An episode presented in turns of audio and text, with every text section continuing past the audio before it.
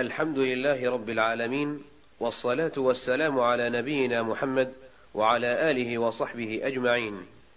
يسر إخوانكم في المكتبة السمعية بوقف السلام الخيري أن يقدموا لكم المجموعة الأولى من سلسلة الدروس العلمية لكبار العلماء، ومن دروس هذه السلسلة المباركة كتاب التوحيد لشيخ الإسلام محمد بن عبد الوهاب رحمه الله شرح سماحة شيخ العلامة عبد الله بن حميد رحمه الله الشريط التاسع عشر.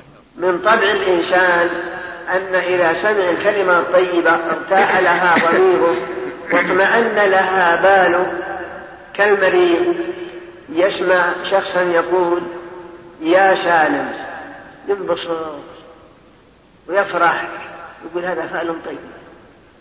ما في شيء. أو إنسان ضائع للشيء فيسمع إنسان في الطريق يقول يا واجب. يا مسلم يقول هذا فعل مبارك في إيجاد لضالته وما أشبه ذلك. فإن قلت ما الفارق بين هذا وبين الطيرة نقول هناك فارق. الطيرة هي ما أمضاك أو ردك. أما إذا لم تمضيك ولا تردك بل اعتمدت على الله ودعوت بالدعوات التي أرشد إليها النبي اللهم لا يأتي بالحسنات إلا أنت. لا يضرك وإن سمعت ما يسرك فهذا رجاء منك في الله وثقة منك بالله وأن الله سييسر أمرك.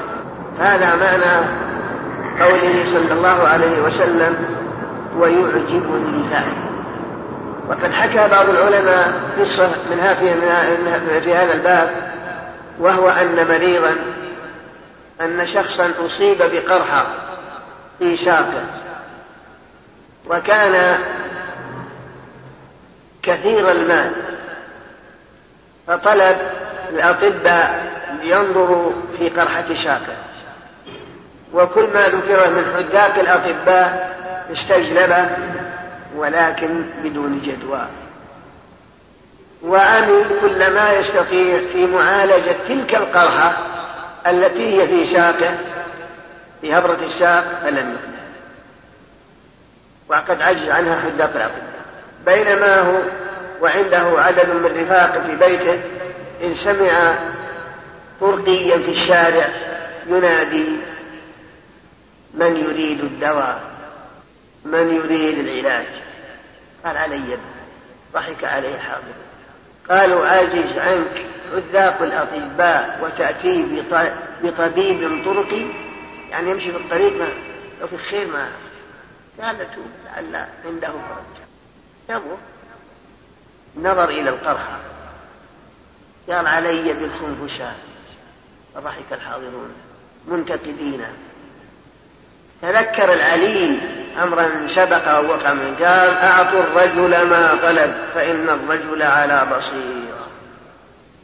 لأن التفاءل قبل جابوا له خنفساء أحرقها وجعلها على القرحة فيبست وبرئ بإذن الله. قيل لك كيف علم؟ قال رأيت الخنفساء تمشي فقلت لا أدري لأي شيء خلق الله هذه الخنفساء أخلقها لحسن شكلها أم لطيب رائحتها؟ معترض على الله. خلقها لحسن شكلها أم لطيب رائحتها؟ قال فابتلاني الله بما ترون ليعلمني أن أخس شيء هو أعز شيء في الأشياء وأن الله ما خلق شيء أبدا أبدا. لا بد في مصلحة لكن قد نعلمه وقد لا نعلم. فهذا من الفعل وهو قول النبي صلى الله عليه وسلم يعجبني الفعل وهي الكلمة التي يرتاح لها ضميرك وتبعث الرجاء والتعلق بالله وحسن الظن به بسبب تلك الكلمة التي سمعتها. كيف والنبي صلى الله عليه وسلم يقول؟ إن الله يقول أنا عند عند حسن ظن عبدي بي والله أعلم. نعم. أو منفذ ثم أخبر باسمه ثم أنه يمضي. أو جاء هذا ما هو بعينه ظاهره. ما فيه أن الرسول يتغير أو أنه يرجع أو يمضي بشر من الطيران الرسول كما تقدم عنده من اليقين والثقة بالله. وكمال الإيمان ما لم يكن عند غيره. ها هو يقول فر من المجنون كفرارك من الأسد. أي شيء أبلغ من هذا؟ فر. ما قال بعد اذهب وإلا ابتعد فر من المجنون فرارك من الأسد. انظر إلى هذه البلاغة التعبير بقول فر ثم أيضا كفرارك من الأسد. أما ظنك لو أقبل عليك أسد؟ لتفر بكل ما تستطيع من الهروب. ومع هذا أكل مع المجنون وأمسك يده وقال بسم الله ثقة بالله على الله أنا وأنت ونستطيع وذلك لقوة الإيمان وكمال اليقين بالله سبحانه وتعالى. نعم. نعم. الله عليه تغيير الأسماء اللي غيرها الرسول هل هو أو لا. هذا من باب التفاؤل هذا من باب التفاؤل.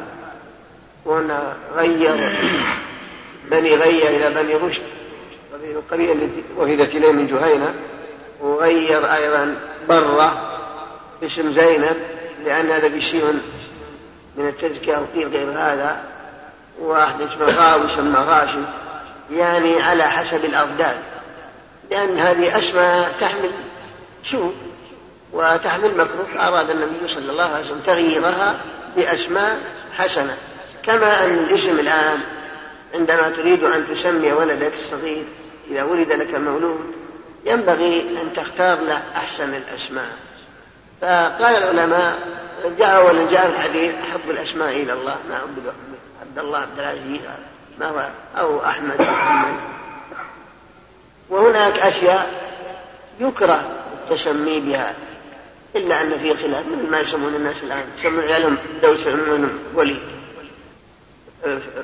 الوليد فهذا عند جمع من العلماء أن هذا مكروه لأنه من أسماء الجبابرة.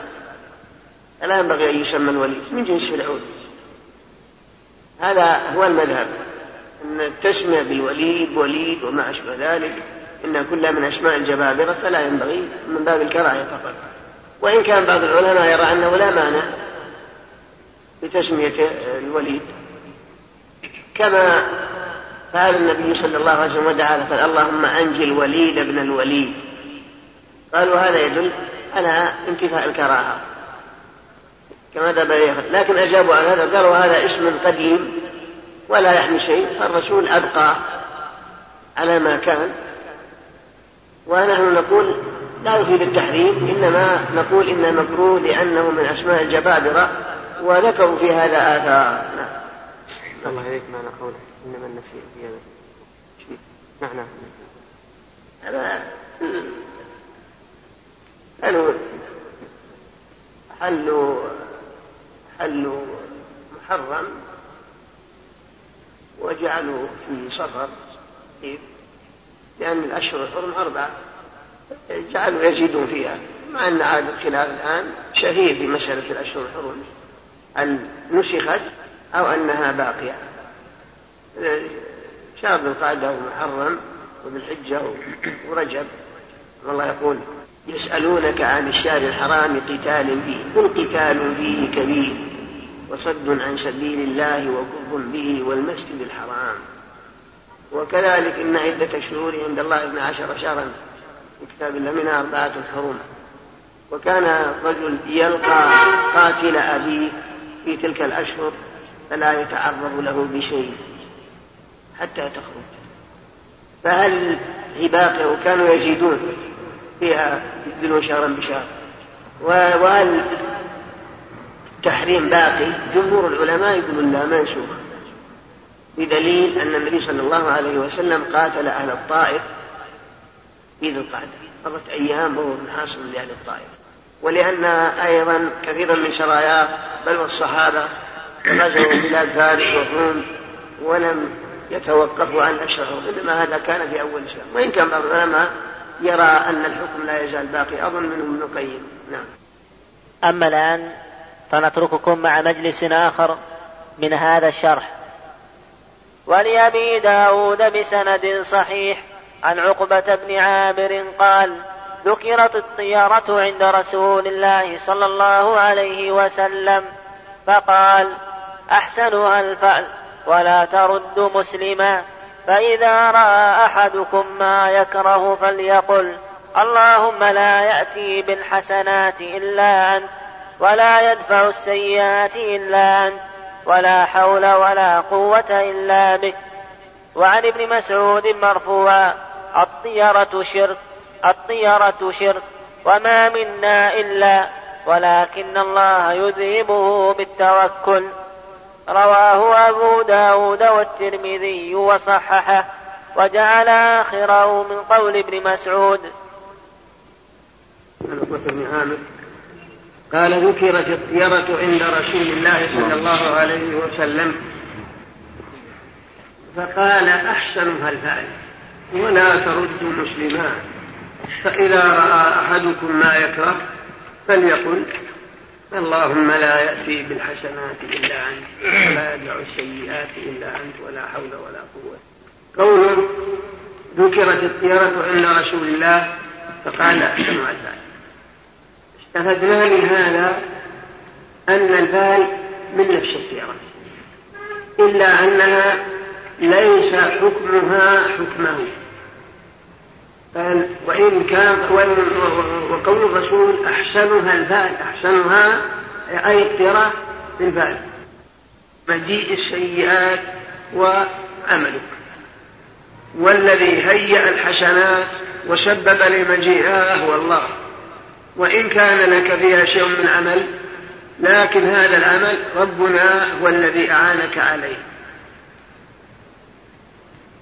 لا يأتي بالحسنات أي بالنعم والفوائد إلا أنت ولا بلاء والشر إلا أنت ولا حول ولا قوة إلا بك. معنى ولا حول فسرت على وجهين. الوجه الأول معنى ولا حول أي لا تحول من طاعة لا تحول إلى طاعة الله من المكروه إلا بالله. يعني لا تحول عن معصية الله إلى طاعة الله إلا بتوفيق الله وإعانته لا حول عن المعصية إلى الطاعة ولا قوة لنا على ذلك إلا بك أي بتيسيرك وإعانتك. والقول الثاني وهو أجمع وأشمل. وهو أن معنى لا حول ولا قوة أي لا تحول من حال إلى حال مطلقة إلا بقوة الله وإعانته وتوفيقه. فتنتقل من المفضول وإن كان جائز إلى ما هو الأفضل ما هو إلا بإعانة الله لك. وما تركت المكروه والمحرم إلا بإعانة الله لك. وما أديت من علم حصل لك من علم أو عبادة أو إحسان ما هو إلا أو تحول من وضع إلى وضع وحالة إلى حالة ما هي إلا بتوفيق الله. فعندما يحس الإنسان شيء من الحزاية في القلب فليبادر بهذا الدعاء. كذلك الرؤيا. هي من هذا القبيل وهو أن الإنسان يرى في منامه ما يسره أو يرى في منامه ما يزعجه والرؤيا حق. الله سبحانه وتعالى يقول ألا إن أولياء الله لا خوف عليهم ولا هم يحزنون؟ الذين آمنوا وكانوا يتقون لهم البشرى في الحياة الدنيا وفي الآخرة لا تبديل لكلمات الله. يقول بعض المفسرين على قوله تعالى لهم البشرى في الحياة الدنيا قال هي الرؤيا الصالحة. يراها الرجل أو ترابا هذا قول بعض المسلمين في غير هذا. لكن إذا رأيت في منامك ما يزعجك من قتل أو نار أو شيء يتعبك ويورث في قلبك الكآبة فعندما تستيقظ تدخل عن يسارك وتدعو بهذا الدعاء. اللهم لا يأتي بالحسنات إلا أنت ولا يدفع السيئات إلا أنت. ولا حول ولا قوة إلا بك ثم هي لا مع أن الرؤيا عند المعبرين لها حالات. على حسب الرائي وحسب الوقت في الشتاء أو في الصيف. وحسب نفسانية الرائي وصلاحه وثقته وأمانته من عدمه. كما هو مبسوط في كتب القول. عن ابن مسعود رضي الله عنه أن النبي صلى الله عليه وسلم قال الطيرة شرك الطيرة شرك. قال ابن مسعود وما منا إلا وقد وقع في قلبه شيء من ذلك ولكن الله يذهبه بالتوبة. استفدنا من هذا فوائد. أولا أرشد الرسول بأن الطيرة داخلة في الشرك. وذلك لاعتقاد الإنسان أن هذا أن أن هذا الطائر بسببه يأتي الشر أو يأتي الخير. إن اعتقد أن الجالب للخير والدافع للشر ونفس الطائر هذا شرك في الربوبية. وإن اعتقد أن الله هو الذي قدر ذلك ولكن هذا من الأسباب فهذا نوع منه ولكنه يكون محرما. فالله لم ينصب هذه الأشياء أسبابا ولا علامات وإنما الأسباب هي طاعة الله سبحانه وتعالى بامتثال أوامره واجتناب نواهيه.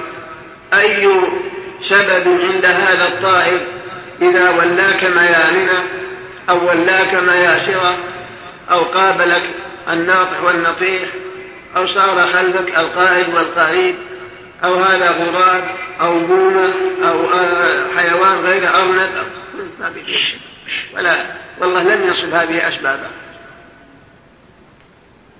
وقال ابن مسعود وما منا لأن هذا طبع الإنسان إلا ولكن آخر الكلام لعلم السائل به. بل السامع يفهم أن هناك شيء محذوف دل عليه السياق يعني وما منا إلا إيش؟ وقد وقع في قلب الشيء من ذلك ثم قال ولكن الله يذهبه بالتوكل. أي ربما تحس في قلبك كراهية هذا الشيء والنفور منه. لكن أذهبه بالتوكل بالاعتماد على الله. واطمئنان النفس بأن الذي ينفع ويضر ويقدر الأمور هو رب العالمين. فمتى انتقلت إلى هذه الدرجة؟ إذا لا يضرك ما وقع في قلبك فهذا كالدواء المزيل لما في القلب من تعلقه بغير الله أو مما وقع فيه من التطير يذهب ويزول ويضمحل بذكرك واعتمادك على هذا هو معنى قول ابن مسعود رضي الله عنه والله أعلم نعم كيف يفرق الإنسان بين الرؤيا والحلم؟ حلم تفريق بينها كيف يعرف هذه رؤيا وهذه؟ لا يعلمها إلا رب العالمين لكنها واضحة الرؤيا قد يكون الإنسان يهوجس بالشيء في اليقظة وعلى باله في اليقظة فإذا نام رأى ما كان يكلف بها أو على قلبه في اليقظة. هذا من الحلول مثل ما وقع للمهدي العباسي. جاء رجل إلى المهدي قال له يا أمير المؤمنين بقي من أجلك ثلاثون سنة. قال ويحك أبا لي ثلاثين سنة. لكن كيف علمت هذا؟ قال متأكد أنك ستعيش ثلاثين سنة. قال وآية ذلك. قال متأكد. قال وآية ذلك. قال إذا نمت تبي تشوف النور. صارت على بالي كل الشبهات ثلاثة نام في النوم في يده وإذا في يده قلادة فيها ثلاثين خرج لو توقف البصار لا يصح. هو حديث النفس في اليقظة. لما نام صارت على باله وعلقت في ذهنه رآها في النوم هذا من هذا من حديث النفس اللي في اليقظة هو يشبه الإنسان أو يكون معدته مليانة. ما نام وشبع فهذا يثم على دماغه والحركة الدموية ما تكون منتظمة بسبب شبعه. فهذا يحصل له اختلاط في النوم وأشياء مثل هذا ما عند المعبرين ما يعني ما يعتمد إنما الذي يعتمد إذا نام على طهر هو خفيف ولم يخطر ببال الشيء من حديث الدنيا يعني بحيث يراها في اليقظة في النوم. هذا يمكن الله أعلم أن تكون رؤيا مقاربة. هذا. ثم تختلف عندهم باختلاف الأزمنة في الشتاء والصيف والخريف والربيع. نظرا إلى وتأثر الأدمغة وتأثر. نعم. وجه قول نعم. ما وجه قول واضح لأن التعلم الإنسان دخل شيء من الأنس والسرور بما سمع. فأيضا مثلا أنت مريض وسمعت إنسان قال يا سالم ولا دخل عليك شخص اسمه السالم سلم عليك. وقع في قلبك هذا قلت إن شاء الله؟ الاسم يطابق. أول من دخل علي أنا سالم يدعى لي إن شاء الله سالم. دخل في قلبك شيء من هذا ولكن تعتمد على الله سبحانه وتعالى. والله الذي يقدر ذلك. هذا من الفائدة. الله إليك. هل ترديد النظر في كتب شيء؟ أقول ترديد النظر في كتب الرؤيا والتعبير. هل يحدث هذا الوسواس؟ أي يحدث. شيء تعلقت الإنسان نفسه بشيء يقع لأن هم على كل حال كل ما ذكر المعبرون خاصة في كتاب حق ابن الشيخ الكريم. تعطيل المنام تعطيل الأنام هذا لا جاب الدنيا كلها ما خلصنا أما الآن فنترككم مع مجلس آخر من هذا الشرح. ولأحمد من حديث ابن عمرو من ردته الطيرة عن حاجته فقد أشرك. قالوا فما كفارة ذلك؟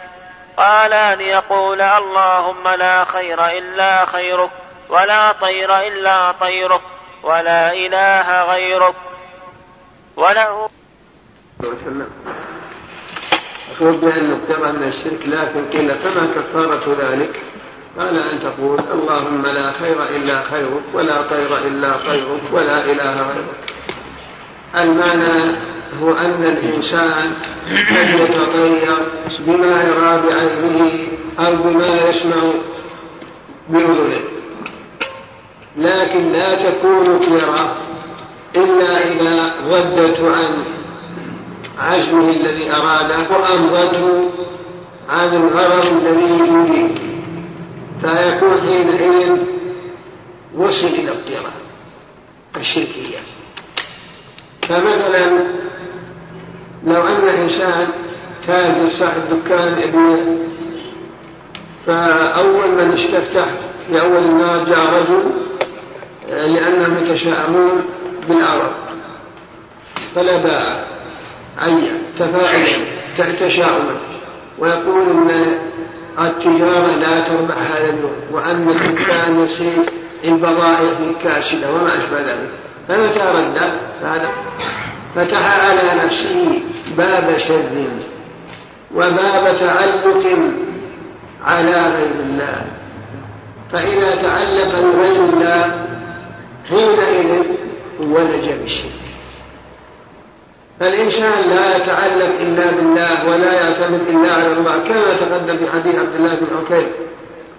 من تعلق شيئا وكل إليه. فهذا الذي تغير رآه راوي ينعق مثلا رد عن سفره. قال هذا سفر مشهور سألقى فيه التعس وألقى فيه الخسارة.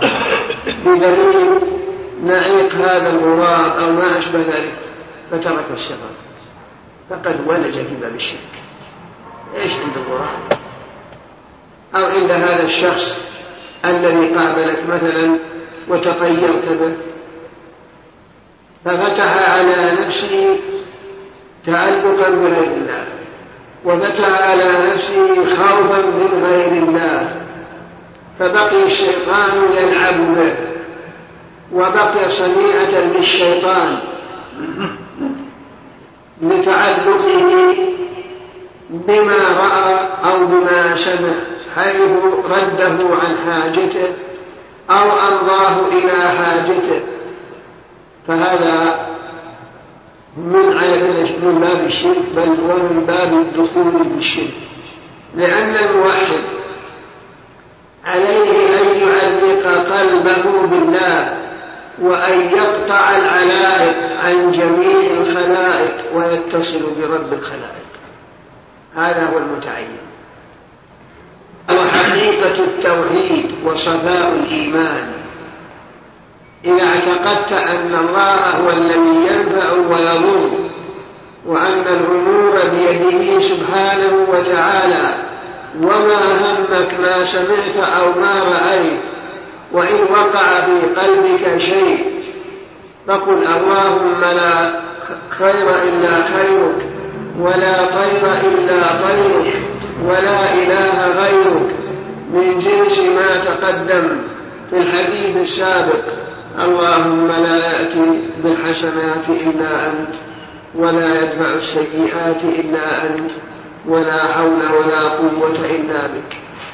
لأن قلبك لما تعلق بغير الله وصار عنده شيء من شوب الشرك وروائحه. ناشب أن تحقق توحيدك بهذا الدعاء فإنك متى أحسست لنفسك شيئا من الكراهية. عندما سمعت أو رأيت في حالة عزمك على السفر أو في حالة عزمك على شراء هذه السلعة. أو في حالة عزمك على بيعها. سمعت أو رأيت ما تكره فتطيبت وقلت هذا شيء مشهور.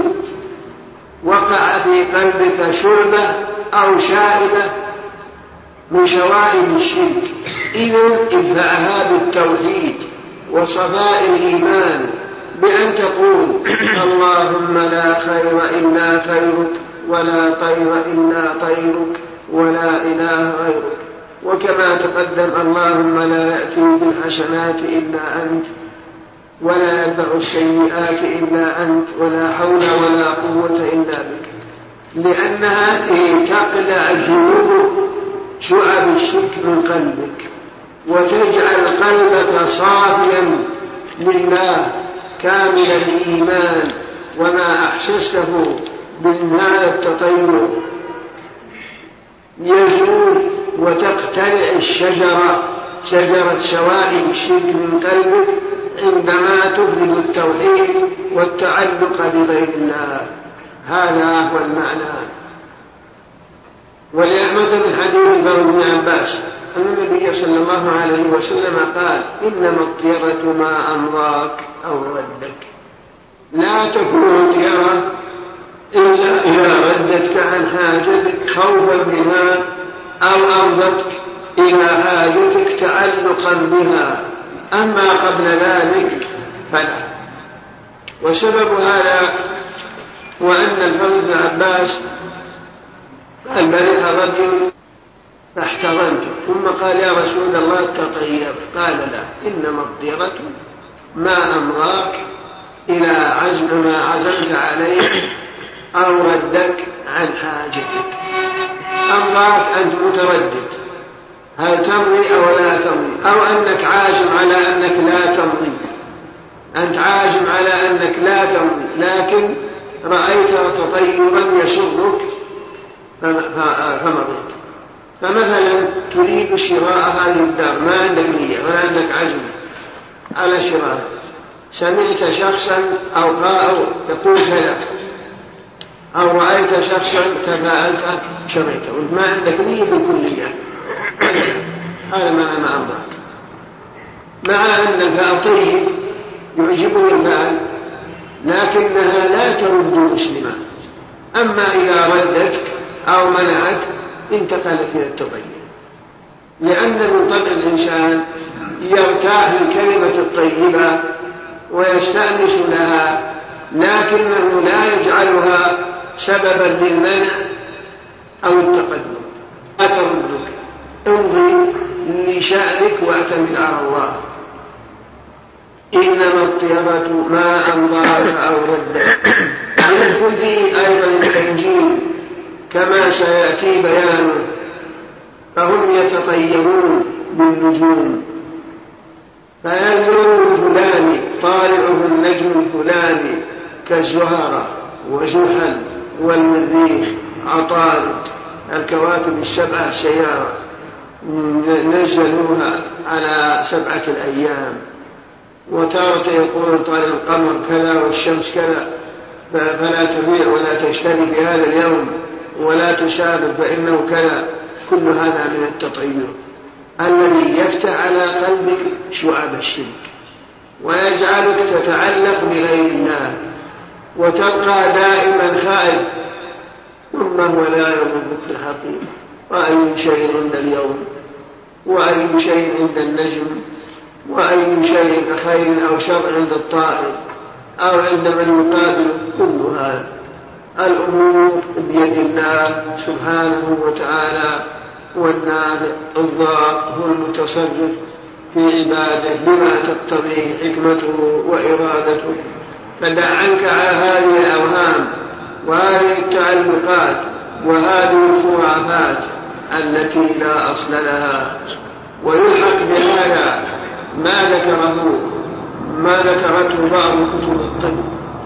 فإن كتب فإن بعض كتب الطب ولا سيما القديمة فإن فيها شيئا من ذلك.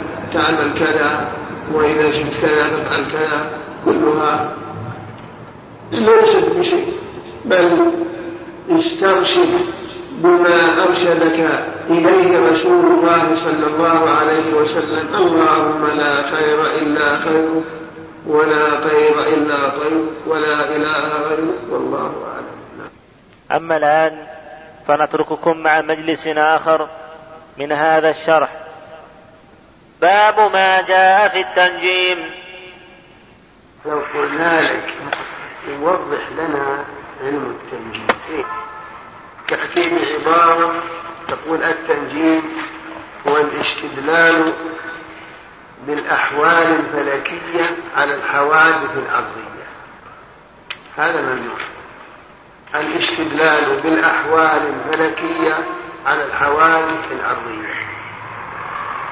ثم التنجيم إما أن يكون بإجماع المسلمين. وهو إذا اعتقد أن المؤثر في هذا العالم هو النجوم على حسب اجتماعها وافتراقها وعلى حسب سيرها في مجاريها. لأنهم يقولون إذا اجتمع زحل مع كذا وقع كذا. وإذا افترقت الزهرة مثلا من كذا من وقع كذا. وإذا ساروا على السير سيرهم الجاري يقع كذا. هذا زعم ويكون المؤثر والموجد والمحدث لهذه الأشياء من فتن أو نعم أو خصب أو جد هي نفس الكواكب. فإذا اعتقد اعتقد هذا فلا شك أنه كفر بإجماع المسلمين. وهم يبنون على هذا الخاصة الصادع معابد يصورون الكوكب الذي يعبدونه أو الشمس أو القمر. ثم يعبدونها في هذا الهيكل وهو يسمونه بالعبادة النوع الثاني هو أنه يعتقد أن المؤثر هو الله والذي يجري هذه الأشياء هو الله. لكن بسبب هذه النجوم تتوصل إلى معرفة ما يقع وما سيقع وما لم يقع. وهذا اختلف العلماء في تكفيره لكن الصواب أنه كفر لأنه يدعي المغرب ويتعاطى شيء قد استأثر الله بعلمه. يتعاطى شيء قد استأثر الله بعلمه. فمثلا هذه لا ندري متى تموت؟ هم يقولون لا تموت عقب خمسين سنة أو عقب خمسة عشر سنة. أين قول إن الله علم عنده علم الساعة وينزل الغيب ويعلم ما في الأرحام وما تدري نفس ماذا تكسب غدا؟ وما تدري نفس بأي أرض تموت. إن الله عليم خبير. وهذه الخمس هي المذكورة في قوله تعالى وعنده مفاتح الغيب لا يعلمها إلا هو. ويعلم ما في البر والبحر وما تسقط من ورقة إلا يعلمها ولا حبة في ظلمات الأرض ولا رطب ولا يابس إلا في كتاب مبين. فنقول هذا المنجم يعلم أن لك من العمر أربعين سنة أو أو تسعين سنة. هذا من الباطل. أو يا أو هذا المنجم بسبب تعلمه النجوم يعلم أن لك من الأولاد سيأتي لك من الأولاد سبعة ومن البنات ثلاث مثلا. أو هذا المنجم يعلم بسبب النجوم أنه أنك ستسجن أو أنك ستقتل أو يأتيك من الأمراض أو أنك ستلي آه، رئاسة مثلا جمهورية أو كل هذه من ومن يعلم؟ لا يعلم. ما في غد إلا الله. فهذا هو الذي ألف فيه الناس. مثل شمس المعارف والمجربات لابن الديربي وأبو معشر الفلكي وما أشبه ذلك. يذكرون شيئا من الخرافات وتعلقهم بالنجوم مع أنه لم يقع ما يقولونه ربما وقع في بعض الأحيان كما في الحديث يكذب مئة مرة ويصدق مرة. لكن يتعلقون بتلك الكلمة التي سمعت من السماء. وإلا فالغيب لا يعلمه إلا الله. وأبو معشر الفلكي هذا ألف الكتاب الذي أشرنا إليه ورتب على حسب الأشخاص ومواليدهم على في أي برج كان. فجعل البروج معلومة 12 برج. فبرج فمن ولد في برج الجد له من العمر ومن بيت المال على حد تعبيره ومن الأولاد ويجري عليه من المصائب أو من الفتن كذا أو يحصل لك في مستقبل كذا. وفي ومن ولد في برج الدلو إلى آخر برج الحوت.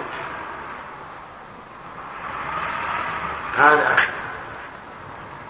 ثم كما قلنا عند إذا جلي في أي برج مثلا يحسب اسمه زيد جاء وياء ودال أمه هند هاء ونون ودال زيد سبعة.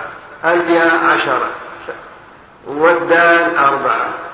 يعني واحد وعشرين. هند خمسة. النون خمسين. الدال أربعة يعني تسعة وخمسين. تجمع تسعة وخمسين مع واحد وعشرين. يكون المجموع ثمانين. تنزل عدد معين. فإذا بقي عدد معين مثلا بقي ثمانية تكون أنت ولدت على هذا في البرج الثامن أول الحمل ثم الثور ثم الجوزاء ثم السرطان ثم الأسد آه، ثم السنبلة. ثم الميزان ثم العقرب على هذا تكون مولودة في العقرب انظر برج العقرب كل هذه من الأمور الخرافة التي لا أصل لها. هذا ثم عند أيضا رموز أخرى. كذلك أيضا يتوصلون بطرق حسابية. عندما يتخاصم شخصان ملك وآخر ف ويعرفون الغالب من المغلوب وله في هذا قصائد أشار إلى بعضها ابن خلدون في المقدمة وكلها لا أصل لها. وهناك علوم أخرى يسمى علم الجبر داخلة في الموضوع وعلوم علم الأكتاف وعلم الأوفاق كلها علوم لا أصل لها إنما هي تضيع ويدعون بها علم الغيب. والغيب استأثر الله كل لا يعلم والأرض الغيب إلا الله. النوع الثالث من علم النجوم الذي هو جائز هو تعلم المنازل من أجل أن تعرف جهة القبلة ومن أجل أن تعرف زوال الشمس. ومن أجل أن تعرف جهة سيرك كما قال الله سبحانه وتعالى هو الذي جعل خلق النجوم جعل لكم النجوم لتهتدوا بها في ظلمات البر والبحر. قد فصلنا الآيات لقوم يعلمون. وعلامات وبالنجم هم يهتدون. وكما يأتي فيما رواه قتادة خلق الله هذه النجوم لثلاث زينة للسماء ورجوما للشياطين وعلامات يهتدى بها. تجعل مثلا الجدي على كتفك الأيمن به تعرف جهة القبلة إذا كنت في جهة معينة أو معلومة. أو مثلا تجعل ثريا أمامك أو تجعلها خلفك تعرف جهة سيرك فهذا لا بأس ما في أي معنى. أما غير من تعلم النجوم لهذه الأغراض السابق بيانها فهذا من العلوم المحرمة التي لا يجوز للمسلم تعاطيها ولا النظر فيها. نعم. بسم الله الرحمن.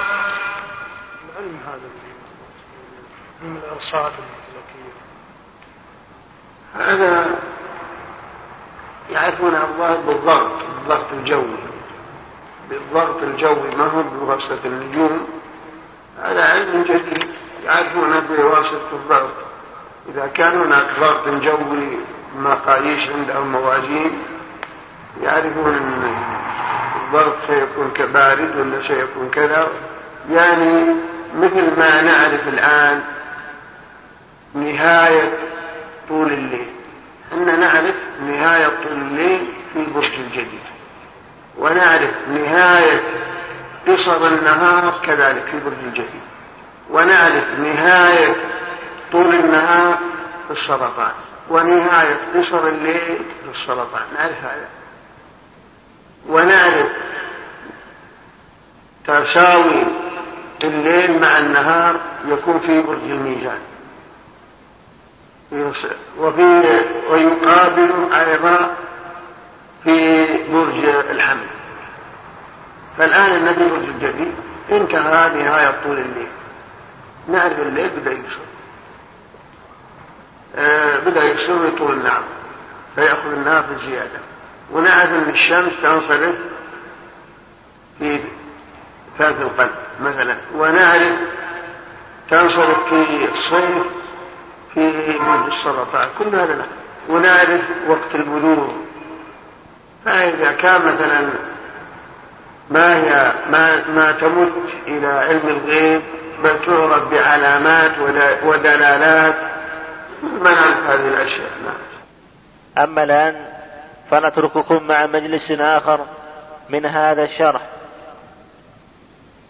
قال البخاري في صحيحه قال قتادة خلق الله هذه النجوم لثلاث زينة للسماء ورجوما للشياطين وعلامات يهتدى بها فمن تأول فيها غير ذلك أخطأ وأضاع نصيبه وكلف ما لا علم له به. انتهى. قال البخاري في صحيحه قال قتادة خلق الله هذه النجوم لثلاث زينة للسماء ورجوما للشياطين وعلامات يهتدى بها. قال البخاري في صحيحه قال قتادة خلق الله هذه النجوم لثلاث زينة للسماء ورجوما للشياطين وعلامات يهتدى بها. فمن تأول فيها غير ذلك أخطأ وأضاع نصيبه وتكلف ما لا علم له به انتهى كلام قتادة الذي رواه البخاري. تقدم لنا أن أن أن أن, تعلم النجوم هو من هو من هو من هو من الشهر.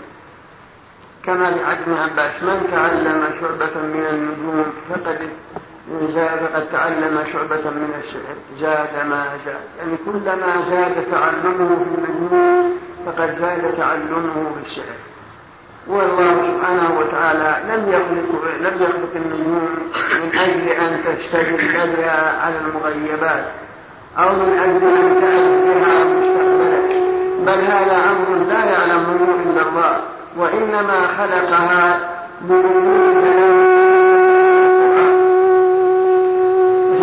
السماء قال تعالى زينا السماء الدنيا بمصابيح ثانيا قول وجعلناها رجوما للشياطين. والثالث قوله وهو الذي جعل لكم النجوم لتهتدوا بها في ظلمات البر والبحر. ومن زعم غير هذا فقد أخطأ وتكلف ما لا علم له به وأضاع نصيبه من الدين والخير. فأولا قوله ولقد زينا السماء الدنيا بمصابيح. استدل طائفة من أهل العلم على أن النجوم هي في السماء الدنيا وأن تعرف أن السماوات سبع كالأراضين. كما في الآيات القرآنية الله الذي خلق سبع سماوات ومن الأرض مثلهن. وهذا الآية ولقد زينا السماء الدنيا تدل على أن النجوم في السماء. وهذا لا ينافي أن غيرها في السماوات التي غير الدنيا. وإنما ذكر النجوم التي في السماء الدنيا هي التي ينتفع بها الناس في أسفارهم وجعلها رجوما للشياطين وجعلها حلية للسماء. وقد اختلف الناس في النجوم هل هي في السماء الدنيا أم لا؟ روي عن ابن عباس أنها معلقة في السماء كالقمر. فإنه أيضا موضوع في السماء وهو مع المسافر وغير المسافر هذا بالنسبة للنجوم التي ينتفع بها الآدميون. فيها في السماء الدنيا كما دلت عليه الآية وكذلك القمر. ألم تروا أن الله خلق سبع سماوات طباقا وجعل القمر فيهن نورا. وهو في السماء الدنيا جاءت بهذا آثار. بقي موضوع لو قلت مثلا ما دام أنه في السماء الدنيا ما حقيقة ما أشير وتناقلته الناس وتلقوه شبه القبول من أنهم وصلوا إلى سطح القمر؟ فهل في القرآن ما يدل على هذا؟ وهل جرت محاولة في الأمم السالفة أو في هذه الأمة على الشيء إلى وصول القمر. أم هذا شيء مخترع جديد من الأمم الموجودة في وقتنا هذا؟ وهل له أصل؟ نقول لك ليس ببعيد من أنهم يصلون. وقد ذكر الألوسي في تفسيره أن الفلاسفة صنعوا سفن من زئبق لمحاولة الوصول إلى سطح القمر. قال فلما تكامل بناؤها ركبوها واتجهوا صوب القمر. قال ثم بعد انتفخت أجسامهم وعادوا خاشئين يعني لما ارتفعوا فوق الجاذبية ما كان عندهم ما يساعدهم على الأكسجين. فرجعوا. بهذا تعرف أن المحاولة قديمة. وليست جديدة والألوسي ذكر هذا في تفسير على قوله تعالى وجعلنا الليل والنهار آيتين فمحونا آية الليل وجعلنا آية النهار مبصرة لتبتغوا فضلا من ربكم ولتعلموا عدد السنين والحساب. فقال إنهم صنعوا سفن من زئبة متوجهين لاكتشاف القمر. إلا أنهم لم يتمكنوا لأنهم لما ارتفعوا انتفخت قال فرجعوا خاشئين خاشئين. هذا الذي وقفنا عليه من محاولة تقول قد تقول هل في القرآن ما يدل على إمكان وصولهم القمر؟ ممكن. وعلى الواقع وإن كان الآن بعض الناس يقول لا يمكن ومن جملة من الذي يقول لا يمكن هو مدير الأرصاد الفلكية في أمريكا. أذكر أني قرأت له مقالا في وقت حاصل يقول إن الذين زعموا أنهم وصلوا إلى سطح القمر ليسوا على شيء. وإنما وصلوا إلى سطح جبل خارج عن الأرض المعمورة بل هو بعيد وكان مرتفعا ولم يكن بقربه سكان ولم يصل إليه أحد. لما هبطوا على سطحه سطح ذلك الجبل ظنوا أنهم على سطح القمر. فجعلوا ينظرون إلى الأرض بصفة غير عادية فاستغربوا فظنوا أنهم على سطح القمر. وإنما كانوا على جبل متصل بالأرض إلا أنه مرتفع وهذا الجبل لم يصل إليه السكان ولم يأتي إليه أحد من بني آدم. هذا قوله والله أعلم من حقيقة الحال. لكن هل يمكن؟ نقول ممكن. ممكن. فالله سبحانه وتعالى يقول فلا أقسم بالشفق والليل وما وشق والقمر إذا اتشق. أي والقمر إذا أبدر. لتركبن طبقا عن طبق يقول بعض المفسرين لتصعدن والقمر إذا أبدر لتصعدن طبقا فوق طبق وإن كان جمهور المفسرين يقولون معنى لتركبن طبق فيعني حالا بعد حال. يعني تتقلب بكم الأحوال. ليس المراد صعود إلا هذا في قول بعض المفسرين أن المراد لتركبن طبقا عن طبق أي لتصعدن طبقا فوق طبق. والحاصل أن هذه السماء الدنيا هذا هو الحاصل. خلق الله النجوم لدلالة زينة للسماء ورجوما للشياطين كما في قوله تعالى ولقد زينا السماء الدنيا بمصابيح وجعلناها رجوما للشياطين. وعلامات مهتدى بها كما في قوله تعالى في سورة النحل وألقى في الأرض رواسي أن تميل بكم وأنهارا وسبلا لعلكم تهتدون وعلامات. وبالنجم هم يهتدون.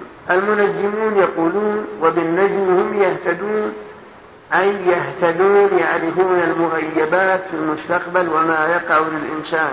فهذا معنى وبالنجم هم يهتدون. وليس المراد أنها علامات فقط بل هي عام.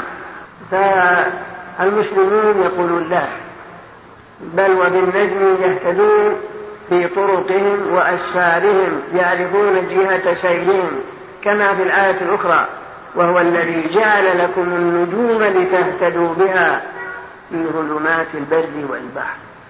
فقيد الاهتداء بها في ظلمات البر والبحر. فلو كان المراد اهتدى بها العلوم المغيبة لم يكن في ظلمات البر والبحر. فهو يكون أعم من هذا كله. مع أنهم يكذبون لا يمكن أن يصلوا إلى حقيقة. ربما وصلوا مرة لكنهم يكذبون مرة مئة مرة كما هو معلوم. الحاصل أن تعاطي النجوم والتعرف عليها لمعرفة حوادث الأرض ومعرفة ما يقع في المستقبل كل هذه من الأمور الباطلة. بل ذهب بعض أهل العلم أنها كفر. فالله يقول قل لا يعلم من في السماوات والأرض الغيب إلا الله والله أعلم حصل في الجابرية أو هبوطها قال طلع نجم. أو تغير وطلع نجم. يعني يربطون هذا. هذا أذكر في جواب الشيخ عبد اللطيف الرحمن في جواب. والعامة هذا هبوا بالثريا يقول هذا مكروه. إضافة العبوب إلى الثريا يقول هذا مكروه. الذي أوجد العبوب الله سبحانه وتعالى. أما لو اعتقدوا أن الذي أوجد الثريا هذا يصل إلى الكفر. أما إذا كانوا يرون أن الله أجرى العادة بإيجاد الهبوب عند طلوع الثريا فهذا اللفظ هذا مكروه. فكونهم يضيفون إليها لأن كلام محتمل. فتركه أولى أذكر الجواب ولا يكره أما الآن فنترككم مع مجلس آخر من هذا الشرح. وكره قتادة تعلم منازل القمر ولم يرخص ابن عيينة فيه ذكره حرب عنهما ورخص في تعلم المنازل أحمد وإسحاق. أن الله سبحانه وتعالى خلق هذه النجوم زينة للسماء ورجوما للشياطين وعلامات لاهتداء بها فمن تأول فيها غير ذلك أخطأ وأضاعها خسر. والمتشبهون بالنجوم الذين يرون مشروعية أو جواز تعلمها للتأديب تقدم أنهم إذا اعتقدوا أن هي المؤثرة هذا كفر بالربوبية بالإجماع إذا اعتقد بأن هذا المؤثر هو النجم هذا قد جعل مع الله شريكا. وهذا كفر باتفاق المسلمين وهو كفر بتوحيد الربوبية. أما إذا اعتقد أن الله هو المؤثر ولكن هذا النجم سبب من جملة الأسباب فهذا تنازع الناس هل يكفر أم لا؟ إن هذا حرام ولا يصل إلى درجة الكفر. والصواب أنه كفر أيضا لأنه في ادعاء لعلم الغيب الذي استأثر الله به. والله وتكذيب في القرآن في قوله قل لا يعلم من في السماوات والأرض الغيب إلا الله. والله سبحانه وتعالى يحدث من أمره ما يشاء في أي وقت كان. ثم القائلون بهذا القول يستدلون بأدلة. أولا يقولون نعرف أن هذه النجوم لها تأهيل. يستدلون بقوله تعالى وعلامات وبالنجم هم يهتدون. قوله وبالنجم هم يهتدون قالوا إن الاهتداء هو العلم بالمغيبات بواسطة النجوم. وهذا لا يخفى فساده بل يهتدون في ظلمات البر والبحر من جهة سيرهم وجهة القبلة ومعرفة طرقهم.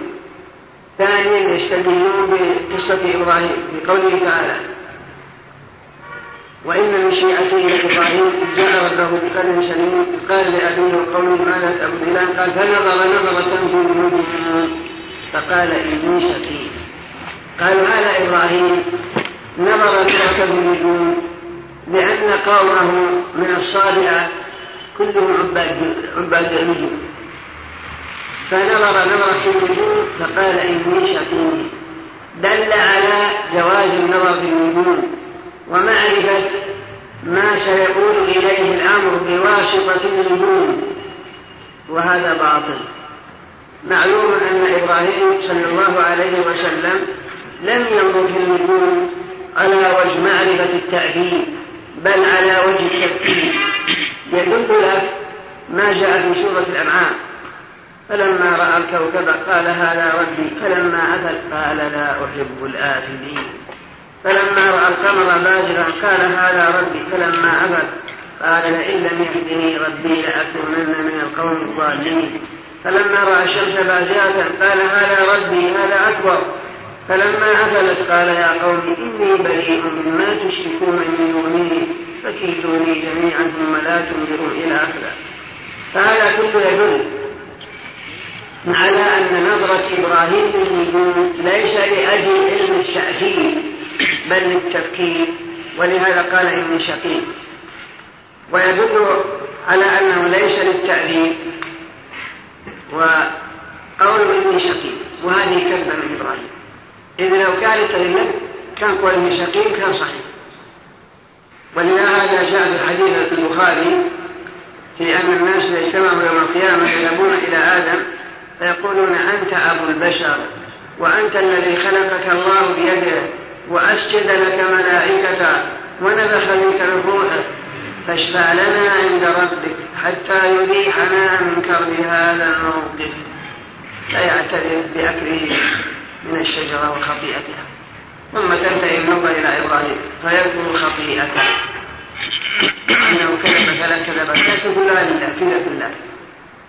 قال بل فعله كبير لما كشر الأصنام. جاء قوم قالوا ما فعل هذا بآلهتنا إنه لمن الظالمين. قالوا قال بل فعله كبيرهم هذا هو الذي كشفها الثاني يقول إني شقيق لو كان صحيح لم يقل إني شقيق لأنه نظر للتأثير بل للتفكير والاعتبار والثاني يقول في زوجة الشابة انها أختي وهي زوجته. وقوله كره قتال تعلم منازل القمر وهذا هو انه الثالث وهو أنه يتعلم النجوم لمعرفة التشييد لا للتأهيل والتشييد مثل الجداول الآن من التقاويم ومعرفة الجدول. هذا كره قتادة وسفيان بن عيينة كرهوا بل حرموا هذه التقاويم والنظر فيها. ولكن رخص فيها الإمام أحمد وإسحاق بن راهوية وغيرهما من أهل العلم. ما دام أن الغرض من تعلم هذه النجوم هو التشييد فهذا وإن كره قتادة وابن عيينة وغيرهما فالصواب جواز لأن الله يقول هو الذي جعل لكم النجوم في ظلمات البر والبحر لتهتدوا بها في ظلمات البر والبحر. تعرف بها جهة سيرك تعرف بها جهة القبلة تعرف بها ما مضى من الليل وما تبقى من الليل. فهذا لا بأس تعرف زوال الشمس. كل هذا ليس لعلم التعريف بل لعلم التشريع هل سلكت الطريق المطلوب في سفرك أم؟ ضللت عن الطريق. كل هذا والله يقول وألقى في الأرض رواسي أن تميد بكم وأنهارا وسبلا لعلكم تهتدون وعلامات وبالنجم هم يهتدون. أي لمعرفة طرق وجهات سير وما أشبه ذلك. فالتقاوي انبنت على هذا. أما ابن عيان كما عرفه لا يدل عن هذا وكذلك قتاده التي هو علم التقاوي كذلك أيضا معرفة خسوف القمر وكسوف الشمس. فهل تعلم ذلك جائز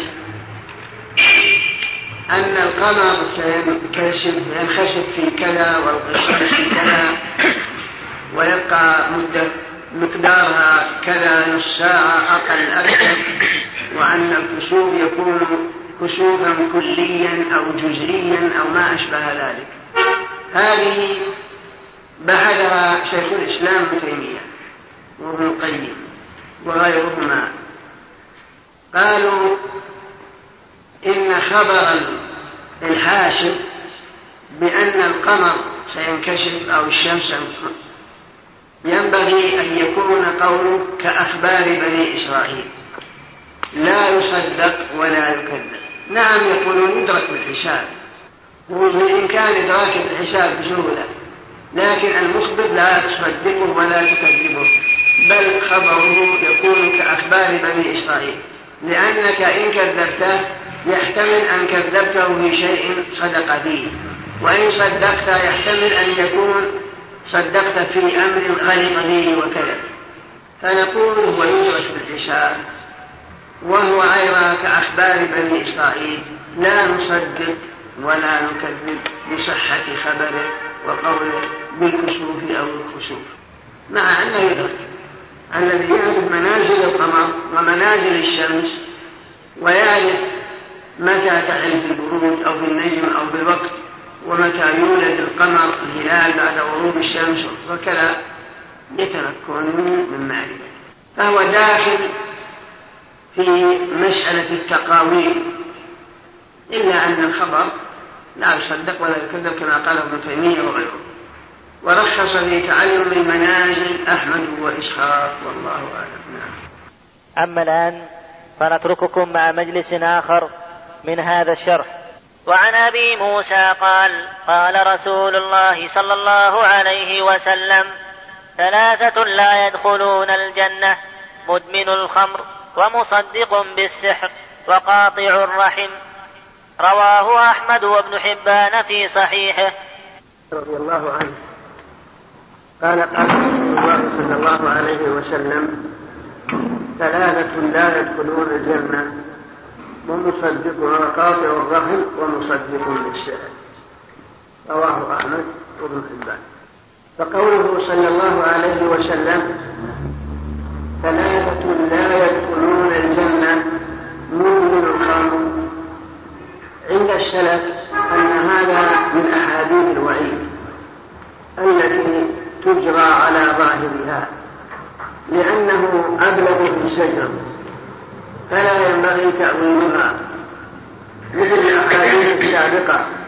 من أتى كاهنا فصدقه بما يقول. فقد كفر بما أنزل على محمد صلى الله عليه وسلم.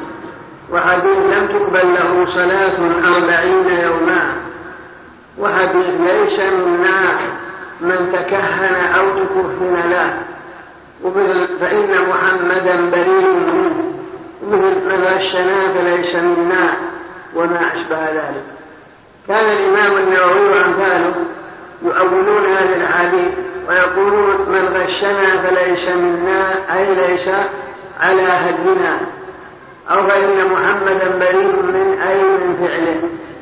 من ليس منا من ضرب من, من تكهن أو ليس من هدنا وسنتنا. فالإمام أحمد والبخاري وأمثالهم يجرون هذه الأحاديث بدون أن يؤولوها لأنهم أبلغوا في الزجر أما قوله صلى الله عليه وسلم ثلاثة لا يدخلون الجنة مدمن الخمر أي المستبين لشرب الخمر. ومن المعلوم أن الخمر محرم بالكتاب والسنة والإجماع. وأن من اعتقد إباحة الخمر فإنه يكفر. يكون مرتد. لأنه استباح أمرا دل القرآن على تحريمه ودلت السنة على تحريمه وإجماع الأمة على تحريمه.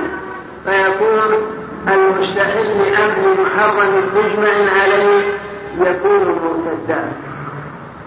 والخمر ضابطه هو ما خامر العقل أي غطاه ووصل إلى حد الإسكار فهذا هو الخمر وقد قال النبي صلى الله عليه وسلم كل مسكر خمر وكل خمر حرام.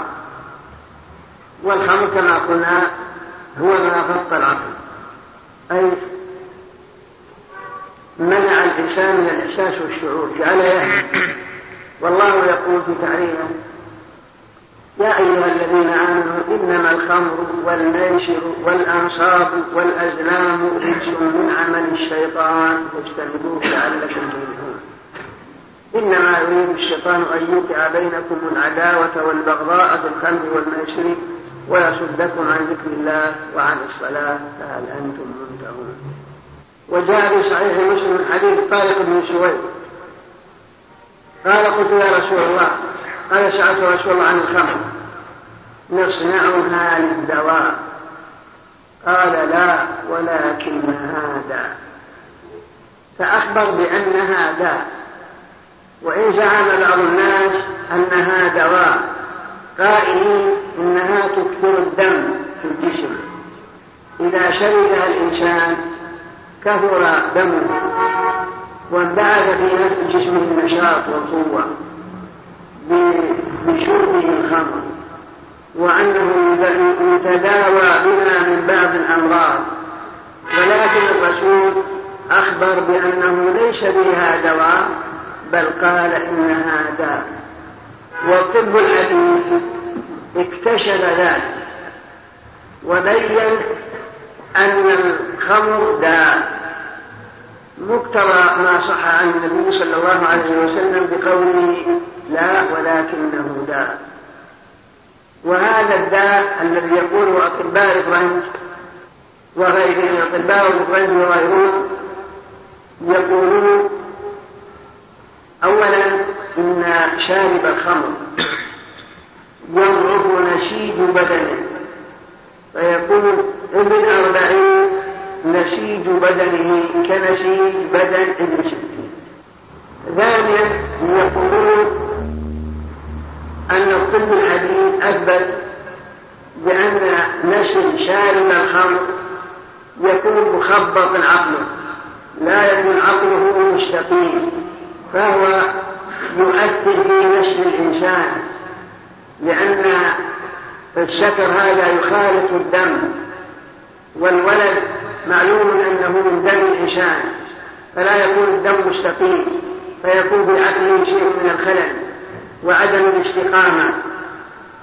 بخلاف من لم يشرب الخمر ونقى دمه وجسمه منه فهو يكون نسله ضعيف العقل ضعيف التفكير. لأن الإنسان عندما يشرب الخمر يسكر فيغيب عقله فيؤثر على نفسه. وثالثا لأحد الفرنسيين كتابا سماه ثلاثون عاما بالإسلام.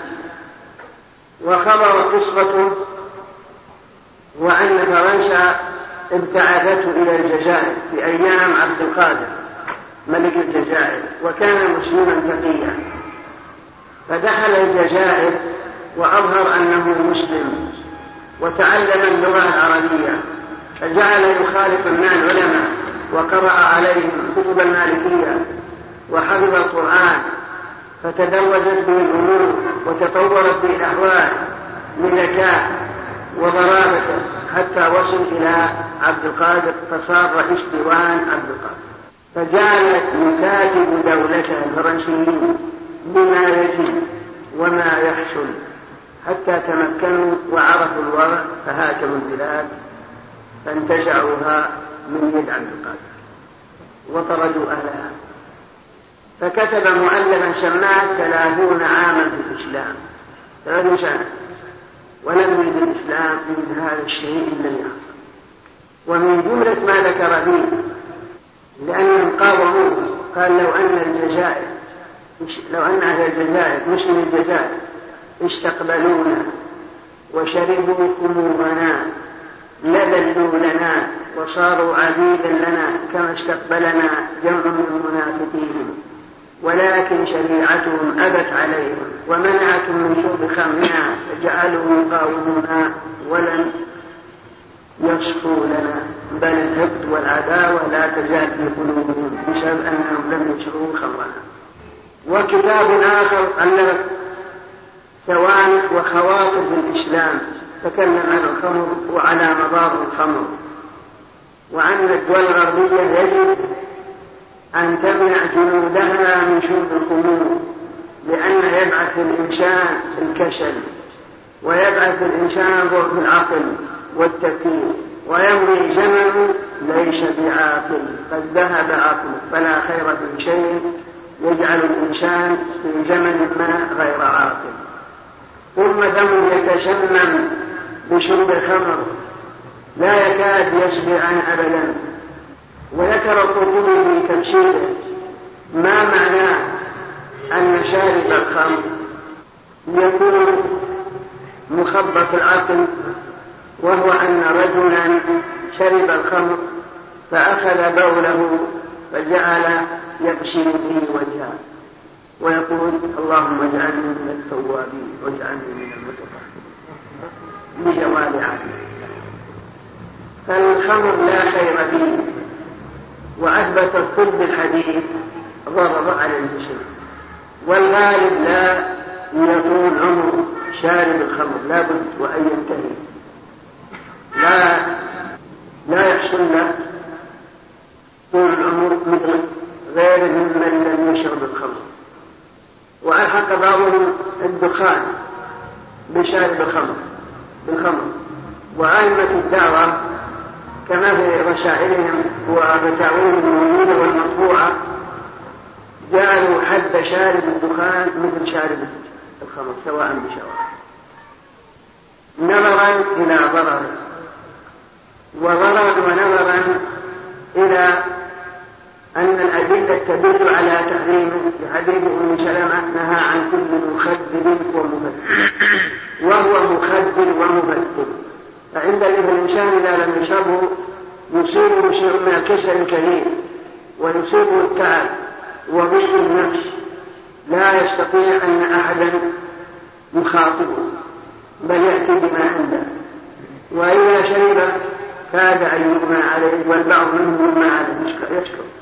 وهو من الخبائث لأنه لا لا خير فيه بل كله ضرر. فلهذا أئمة الدعوة ألحقوا بالخمر وقالوا إن حد شاربه ثمانون جلدة كشارب الخمر سواء بسواء. وإن كان هناك من يقول بإباحته لكن لا دليل له. وحتى إن بعض علماء المالكية مثل المالكية تكلموا على الدخان وجزموا بتحريمه لما فيه من المضار وقالوا إن شارب الدخان إذا إن من اعتاد شرب الدخان إذا لم يجد فهو يعدل إلى عذرة البقر. وعندما يجعل في محل الدخان فهو يقول مقامه البقر وبعض يقول صورة الحمار أيضا يقول مقامه البقر قد يقال فهذا كل هذا بناء على أنه لا خير فيه وأنه من جملة الخبائث التي هذا مقارنته هذا وصفه وللناس كلام طويل. حتى إن الدولة التركية مقتضى ما قرأنا في تاريخها لا أول ما خرج الدخان منعت السلطنة وقامت بمنعه. وعاقبت من يشربه حتى إن من شرب يعاقبونه بشرخ جلد وحي يأتون بالشكاكين ويسلكون مباشرة الجليد هذه عقوبة شارب الدخان عندهم. ولا شك أن هذا لا ينبغي. لكن ما به تعرف أنه ضرر وأن الناس نفروا منه حتى عاقبوا عليه بعقوبة لم يوجد لها نتيجة أبدا لا لا قتل ولا غير ثلاثة لا يدخلون الجنة مدمن الخمر وقاطع الرحم. قاطع الرحم هو من يقطع رحمه فإنه ورد الحديث أن الله يقول للرحم أنت الرحم وأنا الرحمن. أصل من وصلك وأقطع من قطعك. والله سبحانه وتعالى يقول بعد ذكر الوالدين واخفض لهما جناح الذل من الرحمة أن قال وآت ذا القربى حقه فالأقارب لهم حق وصلة الرحم لهم حق. ولا بد الوشيجة الذي بينك وبينهم لا بد من مراعاتها والإحسان إليهم وصلتهم. إذا كانوا محتاجين وأنت موسى وإذا لم يكن أو أنهم أغنياء فبمجيئهم إلى بيوتهم والسلام عليهم وتفقد أحوالهم فهذا من باب صلة الرحم. فقاطع الرحم متعذر لهذا الوعيد العظيم الذي جاء في الحديث أنه لا يدخل الجنة.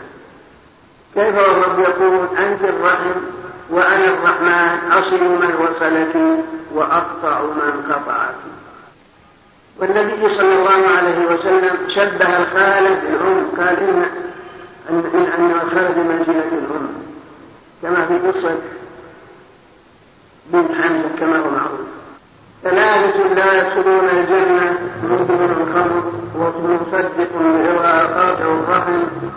ومصدق بالسحر مصدق بالسحر هو من الشهر هذا هو الشاهد من الحديث بالترجمة. فإن قلت الحديث مصدق بالسحر والترجمة باب ما جاء في التنجيم تعلم التنجيم هو من السحر فالسحر عبارة عما خفي ولطف سببه هذا هو السحر فإذا فسرناه السحر بهذا التعبير عبارة عما خفي ولطف سبب دخل به التنجيم والطلاسم وما أشبه ذلك مما خفي سببه.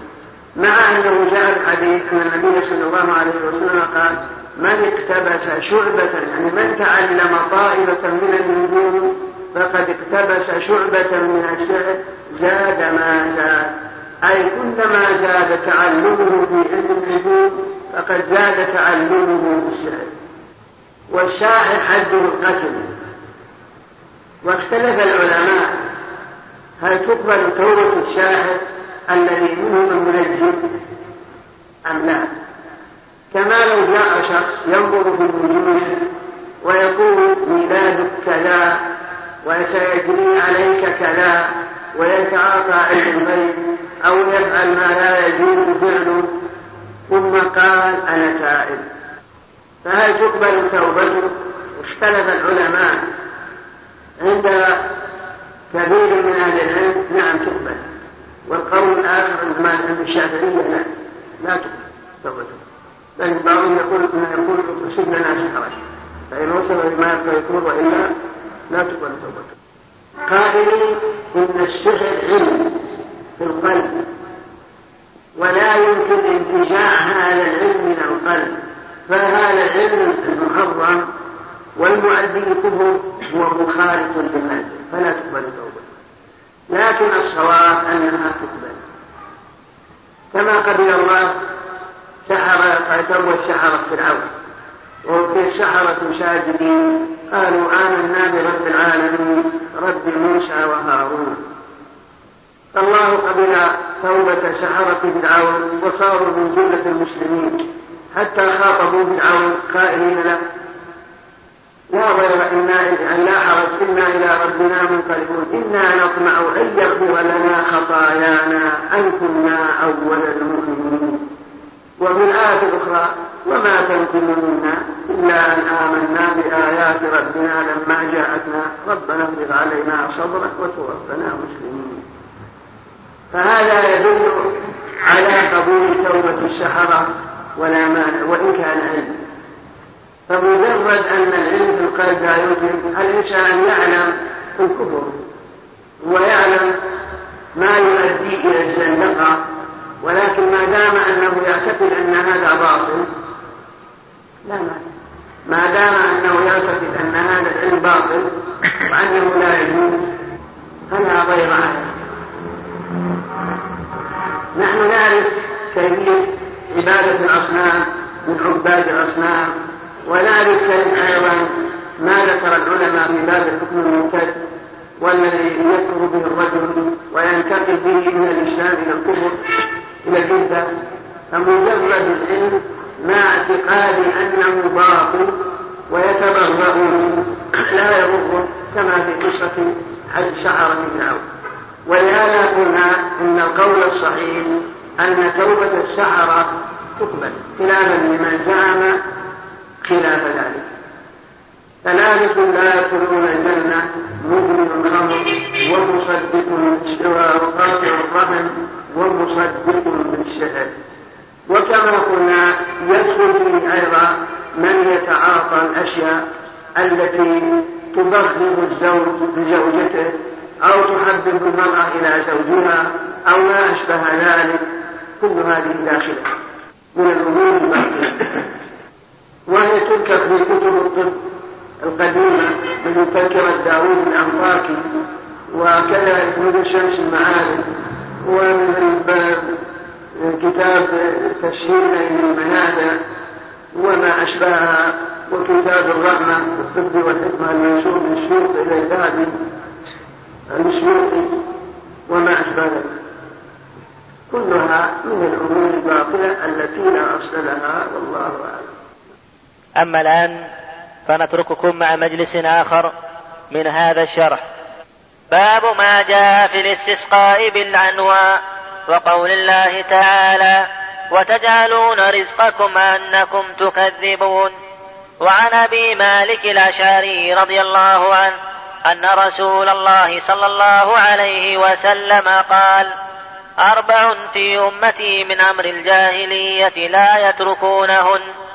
الفخر بالأحساب والطعن في الأنساب والاستسقاء بالنجوم والنياحة على الميت. وقال النائحة إذا لم تتب قبل موتها تقام يوم القيامة وعليها سربال من قطران ودرع من جرب. رواه مسلم. رحمه الله تعالى باب ما جاء في الاستسقاء بالانواع قال وقول الله تعالى وتجعلون رزقكم أنكم تكذبون. عن أبي مالك الأشعري رضي الله عنه أن رسول الله صلى الله عليه وسلم قال أربع في أمتي من أمر الجاهلية لا يتركونهن الحديث. قوله باب ما جاء في من أنواع أي أن الجاهلية يضيفون وجود الأمطار إلى النجوم والأنواع جمع نوع والنوع وما كان يضع وذلك أن القمر ينزل في ثمانية وعشرين منزلة. إذا سقط الغرب خرج ما يقابل طلع ما يقابله من الشر وهكذا الأفئدة السماء. فإذا طلع بمعنى نهر وجاء الله بالأمطار أضافوه إليه. فأكذبهم القرآن. قال وتجعلون رزقكم أي تجعلون شكركم وحظكم ونصيبكم من هذه الأمطار إلى أنكم تكذبون بذلك بإضافتها إلى غير الله هذا هو الآية وقيل إن معناها وتجعلون رزقكم أي حظكم من القرآن ونصيبكم من القرآن بتكذيبكم له بما جاء به. لكن الآية تعم هذا وهذا. فالله سبحانه وتعالى إذا أنعم على عباده نعما لا يجوز لهم أن يضيفوها إلى غير الله فالله هو المنعم. فكيف تضيف النعم إلى غيره؟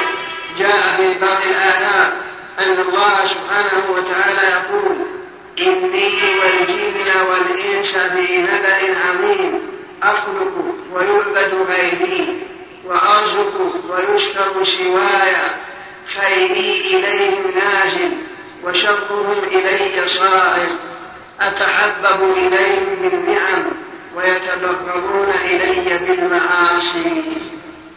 يعني أن الله ينعم ويعطي ثم يصرف تلك النعمة في غير مرضاة الله أو أنه يضيفها إلى غير الله. كأن يقول لولا فلان لم يكن كذا وكذا أو يقول في المال الذي شاقه الله إليك تقول هذا مالي ورثته عن آبائي. طيب من الذي أعطاه آباءك؟ ومن الذي نقله من أبيك وصيره إليك؟ ألم يكن الله؟ فكيف الله ينعم عليك؟ ثم أن تضيف النعم إلى غيره؟ يقول شيخ الإسلام تيمية يذم سبحانه من يضيف إنعامه إلى غيره ويشرك به.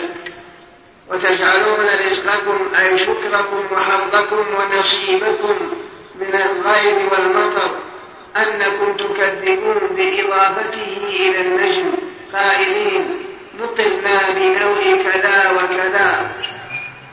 قال وعن أبي مالك الأشعري رضي الله عنه أن رسول الله صلى الله عليه وسلم قال أربع في أمتي من أمر الجاهلية لا يتركونهن البخل بالاحساب والطعن بالانساب والاستسقاء بالنجوم.